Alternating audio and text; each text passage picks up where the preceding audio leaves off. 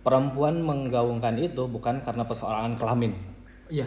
bukan karena persoalan kelamin jadi kalau misalkan kita bicara arahnya ke selangkangan selangkangan kayaknya perempuan masih aja kita eksploitasi gitu kan Oh iya. pembicaraan kita itu sebenarnya mengeksploitasi Hai, perempuan juga di sini Barangan Podcast bersama saya Om Toya dan dua rekan saya Bagus Sentanu dan Fauzan PT. Selamat mendengarkan. Adilkah yang laki-laki aja yang bisa berpoligami sementara kita tidak? Oh gitu. Sementara kita juga diduakan perasaannya. Poliandri. Nah, Kita juga tidak mau kan diduakan perasaannya, misalkan gitu. Ini kan kesil adil, adil antara manusia yang kemudian mempunyai beda jenis kelamin, walaupun sama-sama manusia misalkan gitu. berarti keluar konsep dari agama. Ah, misalkan ini kan misalkan Ada- ada kata- soal kata- ah, ah, soal ah, soal berbicara kacamata sosial ataupun kacamata gender atau kacamata apalah gitu ya. Ini ka- lebih ke kacamata gender sih. Ah, ah, ah. jadi kan bisa jadi keadilan dalam sosial ya. Ah, itu. Doh, aing kayak dituduh liberal deh. wih. Gak apa. Tuh Pasti berontak perempuan coba. pasti berontak perempuan kayak, karena kan kumaha. liberal liberal liberal ente. karena kan gio nya, karena kan gio. Ayo nanya, eh, berbicara poligami nya. Perempuan ya pan bergejolak lah ya, bergejolak lah perempuan ya. Pasti kan anjing aing embung lah di kumpulsana, kumaha lah. Acak adut lah misalnya kayak gitu, walaupun bisa terjadi lah poligami. Tadi balikin misalkan, adil tuh, ente laki, aing bisa poligami, ente bisa poligami misalkan gitu. Misalkan kan gitu, misalkan kan gitu ya. Ah, emang kacamata, kacamata sosialnya misalkan gitu. sebetulnya mah tidak adil sih. Nyanya. Sebetulnya tidak adil. Kalau kita lihat dari kacamata gender eh, apa? Ah. Hmm. dari sisi ya tidak ada misalkan tidak ada jenis kelamin gitu kan hanya sebagai manusia ya perempuan juga eh, adalah makhluk ya manusia bukan makhluk kelamin gitu Maaf. Terus Nah, terus kumaha? Nah, terus kenapa ada adanya poliandri gitu kan? Ya kan? Kenapa bisa terjadi poliandri? Heeh. Ya kan? Heeh. Ada kan poliandri? ada di eh, India kalau nggak salah yang ada eh, seperti itu bener nggak sih Peraturan boleh. Eh, bukan boleh tapi ada praktik pol- poliandri Oh, iya iya. iya. Ya itu kan membuktikan bahwa memang eh, sikap kita memang bukan di di di, di apa dinilai eh, oleh oleh gender gitu loh. Tapi kan gini, misalkan misalkan gini ya. Perempuan mana yang mau di intinya perempuan mana yang mau didoakan cintanya. Ya. Terus gini juga. Perempuan mana yang mau dimadu gitu. Ah, terus gini juga. Atau mau diracun? Terus gini juga. Laki-laki diumbar boleh. Perempuan juga kan ingin merasakan bagaimana merasakan laki-laki yang berbeda eh, jenis kelamin misalkan gitu ataupun bentuk kelamin lah gitu. Mm-mm. kita kan berbicara seksnya ya, berbicara seksnya.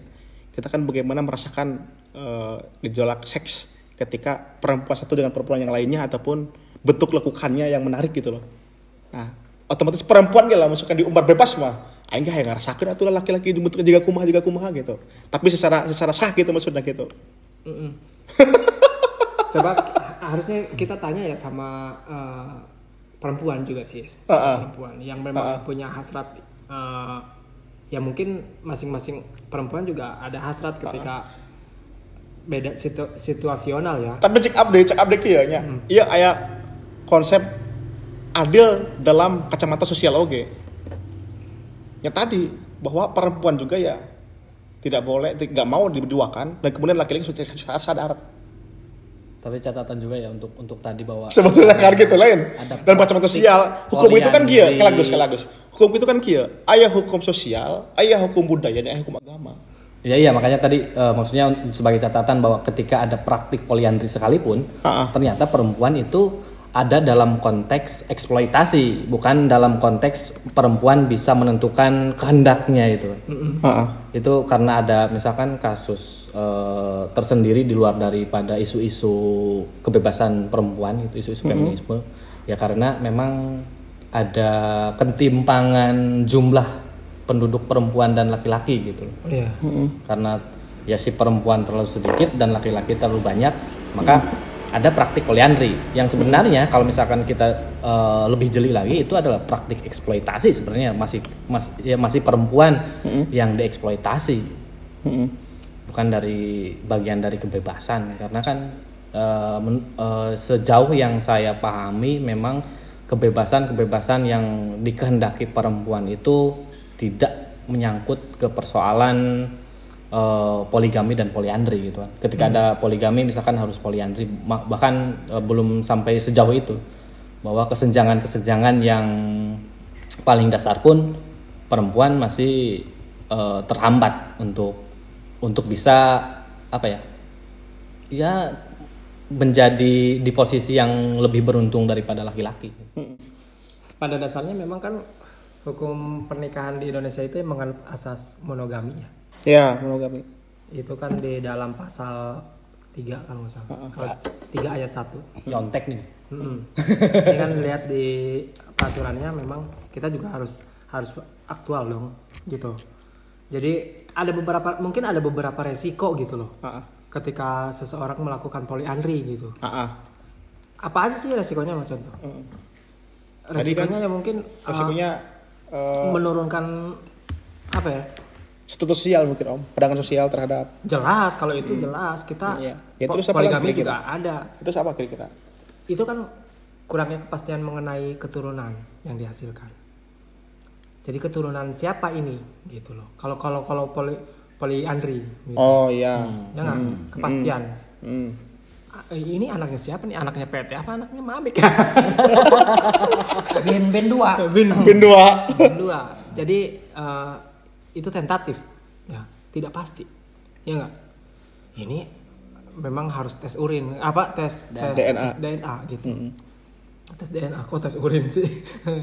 Jadi mungkin pertimbangannya memang eh, pemberlakukan mon- monogami, monogami itu karena beberapa resiko juga gitu. Terus gini om, ada ada juga sekarang yang sedang digau Tapi kan eh, bisa dijawab itu kan dengan sendirinya. Apa tuh?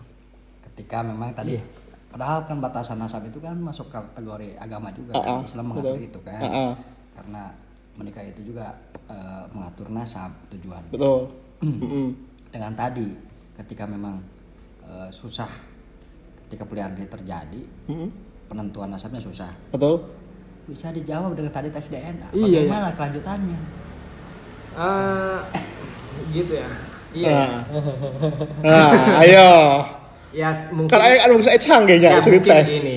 Ayo. Tapi gini kan, si ini harus agak hati-hati ya kalau misalkan bicara soal eh, gerakan ke apa perempuan-perempuan yang sering kali aktif di apa ya sering menggaungkan soal kebebasan berekspresi perempuan. Ha-ha. Karena catatan perempuan menggaungkan itu bukan karena persoalan kelamin, Iya. bukan karena persoalan kelamin. Jadi kalau misalkan kita bicara arahnya ke selangkangan selangkangan kayaknya perempuan masih aja kita eksploitasi gitu kan. Oh iya. pembicaraan kita itu sebenarnya mengeksploitasi perempuan juga karena arahnya ke kelamin. Ke keadilan yang menurut kita itu adalah keadilan selangkangan bukan keadilan hak-haknya perempuan dalam status sosial atau misalkan dalam pekerjaan dia mendapatkan posisi yang Subordinasi ya, lebih- stereotip yang Ah, kurang baik ya. lebih tinggi daripada laki-laki gitu kan. Yang secara kualitas memang si perempuan juga mampu Tanpa disadari berarti itu eksploitasi terhadap laki-laki juga dong. Enggak. Enggak. Enggak. kan bicara Bukan. profesionalitas profesi. Maksudnya gini, perempuan juga punya hak untuk berekspresi dan bisa mengerja, mempekerjakan apa kegiatan-kegiatan laki-laki. Iya. Misalkan seperti itu. Tapi begini juga ya, eh, sekarang kan lagi digaungi atau didengungkan soal undang-undang PKS, UU PKS. Nah itu kan membatasi soal akses poligami. Itu yang didengungkan yang diinisiasikan oleh para perempuan juga. Para perempuan juga sebagai berontak atas dasar ketidakadilan gitu loh dalam kacamata sosial ya. Iya. Ya iya, sekarang lagi lagi digaungi itu kan. Ah. Terus sahkan undang-undang PKS, sahkan undang PKS kan gitu ya. Terus di luar tadi kan DNA tidak 100% ya walaupun tidak 100 benar kita ada yang mengatakan seperti itu. Terus apakah eh, alasan tidak diperbolehkan poliandri itu ada keterkaitan dengan medis? Mm-mm. Mungkin salah satunya AIDS-nya. benar Ah. benar Apakah AIDS itu seperti contoh ketika Islam memperbolehkan eh, laki-laki berpoligami sampai empat gitu Ya. kan? Ah. Itu kan seolah aman, berarti kan Ah, ah. menunjukkan aman. Heeh. apakah dengan sebaliknya itu akan lebih lebih berpotensi untuk Rawan. AIDS, rawan AIDS gitu mungkin. Iya. Kan kan setuju soalnya eh, kawin yang sah itu kan lebih mudah daripada kawin yang sehat Heeh. ngerti nggak? Eh, jadi kawin yang sah itu ya tinggal kita menentukan siapa calon pasangan kita kemudian eh, syarat-syaratnya terpenuhi datang ke KUA kan dinikahkan Iya. tapi berbeda ketika kita bicara soal kawin yang sehat Tapi biasanya ya, biasanya ada juga yang iya, ada juga yang tidak. Potensi kanker serviks itu terjadi karena bersentuhan kelamin dengan kelamin, bergantian dengan kelamin dengan kelamin juga. Maksudnya gini ya, maksudnya gini. silaturahmi kelamin. Ya, ah, silaturahmi kelamin. Walaupun dalam kategori sah, ya, misalkan orang itu pernah menikah, menikah lagi, menikah lagi itu potensi untuk kanker serviks. Dan memang setiap saya temui eh, untuk mengadvokasi soal itu, itu kesehatan itu, wanita. wanita kanker Heeh. serviks, itu kan. ternyata kasusnya problemnya apa dulunya dia pernah menikah lebih dari satu kali oh Berarti kan potensi sama nih Andri. Iya. Dengan kelaminnya banyak, kelamin laki-laki lebih banyak. heeh. Eh, untuk Iya. satu satu pernikahan, Pernikahan. dengan Andri itu kan lebih dekat potensi itu. Potensi Apalagi lebih berbahaya kalau misalkan si laki-laki ini sebelum poligami itu sering kali silaturahmi kelamin, oh. kemudian menciptakan eh, penularan yang lebih serius kan ke pasangan yang barunya yang tadinya sehat jadi bikin sakit. cuman itu biasanya kenanya itu sudah rentan-rentan usia tua ya usia di 50-an 46 sebagainya yang saya temui bisa seperti itu kan ada juga yang seperti ini Eh, dia sudah eh, menikah laki-lakinya eh, eh, dua kali lah dia itu menikah nah Yang akhirnya takut tiluan. Nih itu siapa ya yang seberapa kali laki. Nah, misalkan gini ya, misalkan gini. Ya. Perempuannya baru, satu- baru satu kali nikah, laki-laki udah dua kali nikah. Nah, sudah di usia 4 eh, 50 tahunan dia itu terkena kanker serviks. Nah, setelah itu kejadian nih kejadian nyata ya. Setelah itu ditinggalkan oleh suaminya. Sementara ini bisa sakit-sakitan. Ada juga kayak gitu. Hmm. Jadi eh, itu syarat yang apa resiko yang ketiga mungkin. Resiko resiko yang ketiga ya tadi Terjangkit. tingkat tingginya tingkat kegagalan rumah tangga gitu. Salah satunya memang mengenai kesehatan juga mungkin. Apalagi kalau misalkan dua-duanya pernah menikah, istrinya pernah menikah dua kali, suaminya pernah menikah dua Terus kali. fitnah karakter laki-laki kan. Iya. Bagaimana ketika Fitnah karakter laki-laki. mm, Contohnya? kekerasan mungkin ya. Iya. lebih, Oh. lebih mengkhawatirkan ketika memang ada kekecewaan dari si laki-lakinya.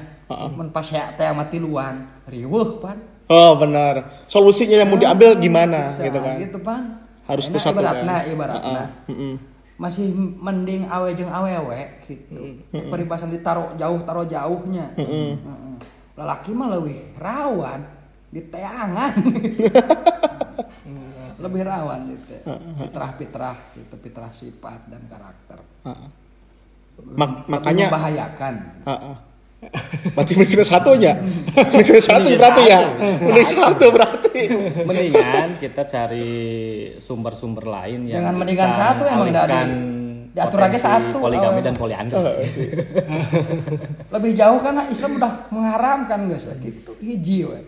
bukan lagi bukan lagi kata-kata lebih baik satu potensinya kan berdosa juga Ya bagi bagi laki-laki cukup satu aja. Berarti alasan dikuatkannya apa mengenai tentang disahkan disahkannya menggaungkan disahkannya Undang-undang PKS. undang-undang PKS itu bukan karena memang sikap yang keluar dari si perempuan eh, apa namanya Poligami. Di poligami. poliandri, eh, untuk Poliga- poligami. bukan Poligami. maksudnya bukan kan tadi pertanyaannya yang pertama apakah perempuan tidak ada hak untuk Bukan, menikah. bukan, bukan gitu.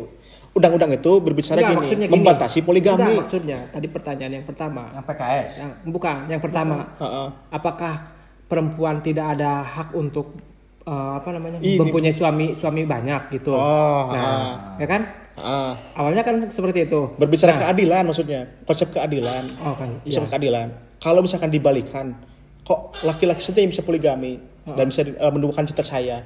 Kalau misalkan saya balik posisinya, eh, ente kalau misalkan diduakan cita saya gimana rasanya? Hah?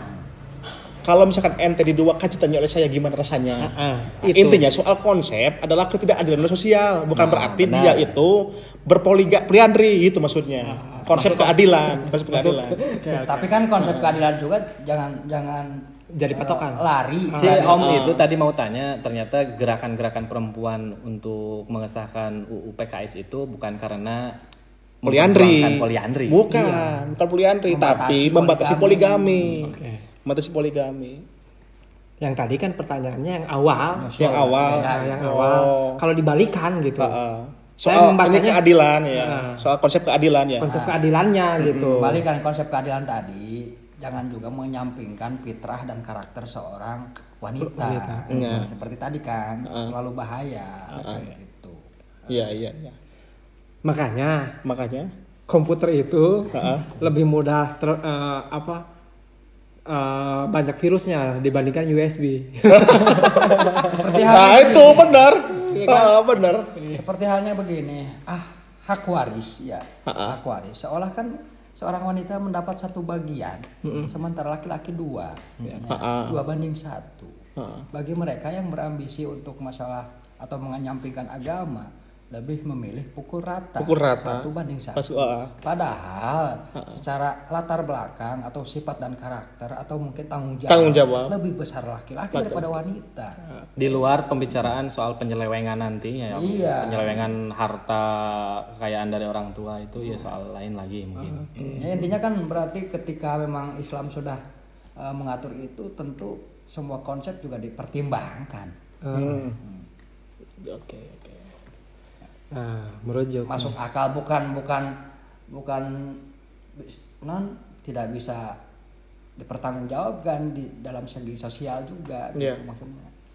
Mateng meren Islam ge. Nah, Oke, Segi jelas. sosial soal soal beban mungkin soal beban sisi keadilannya. Mm-mm. Hmm. beban dan tanggung jawab misalkan laki-laki itu ya tanggung jawabnya soal menafkahi soal apa soal kalau Walaupun perempuan mereka ya. wanita berambisi untuk menyamaratakan dengan dirinya dengan laki-laki. mungkin Mual mungkin gini dua. mungkin gini kak. Mungkin gini ya. Ya ada ketidaksamaan ada sisi memang hal yang sifatnya harus adil misalkan gitu ya. Contoh misalkan gini. Iyalah dalam konsep itu bisa ditolerir ya. Misalkan maksudnya bisa ditolerir bahwa perempuan itu misal memang tidak boleh adil ketika ngomongin konsep tadi eh, berbicara eh, hak waris.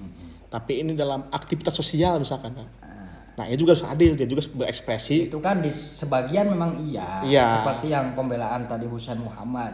Heeh. Entah itu si wanita berhak berkarya, Heeh. berkarir dan lain sebagainya. Heeh. Itu kan hanya sebagian konsep. Heeh. Bukan eh, sebagian lagi konsep yang sudah secara dasarnya Betul. diatur oleh agama. Iya, ya. Berarti ada yang diiakan, ada yang ditidakkan.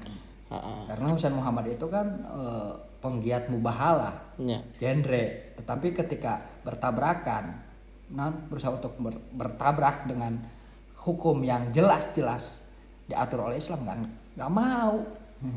Ya, ya, ya. nggak berani lah gitu kan. Lalu jeng keluar Islam berarti gitu. Tapi kayaknya, tapi begini, tapi begini. Eh, perempuan juga harus tahu diri ketika ngomongin soal ekspresi sosial ataupun ekspresi potensi masing-masing. Kadangkala perempuan itu misalkan diuji dalam rezekinya lebih banyak daripada laki-laki.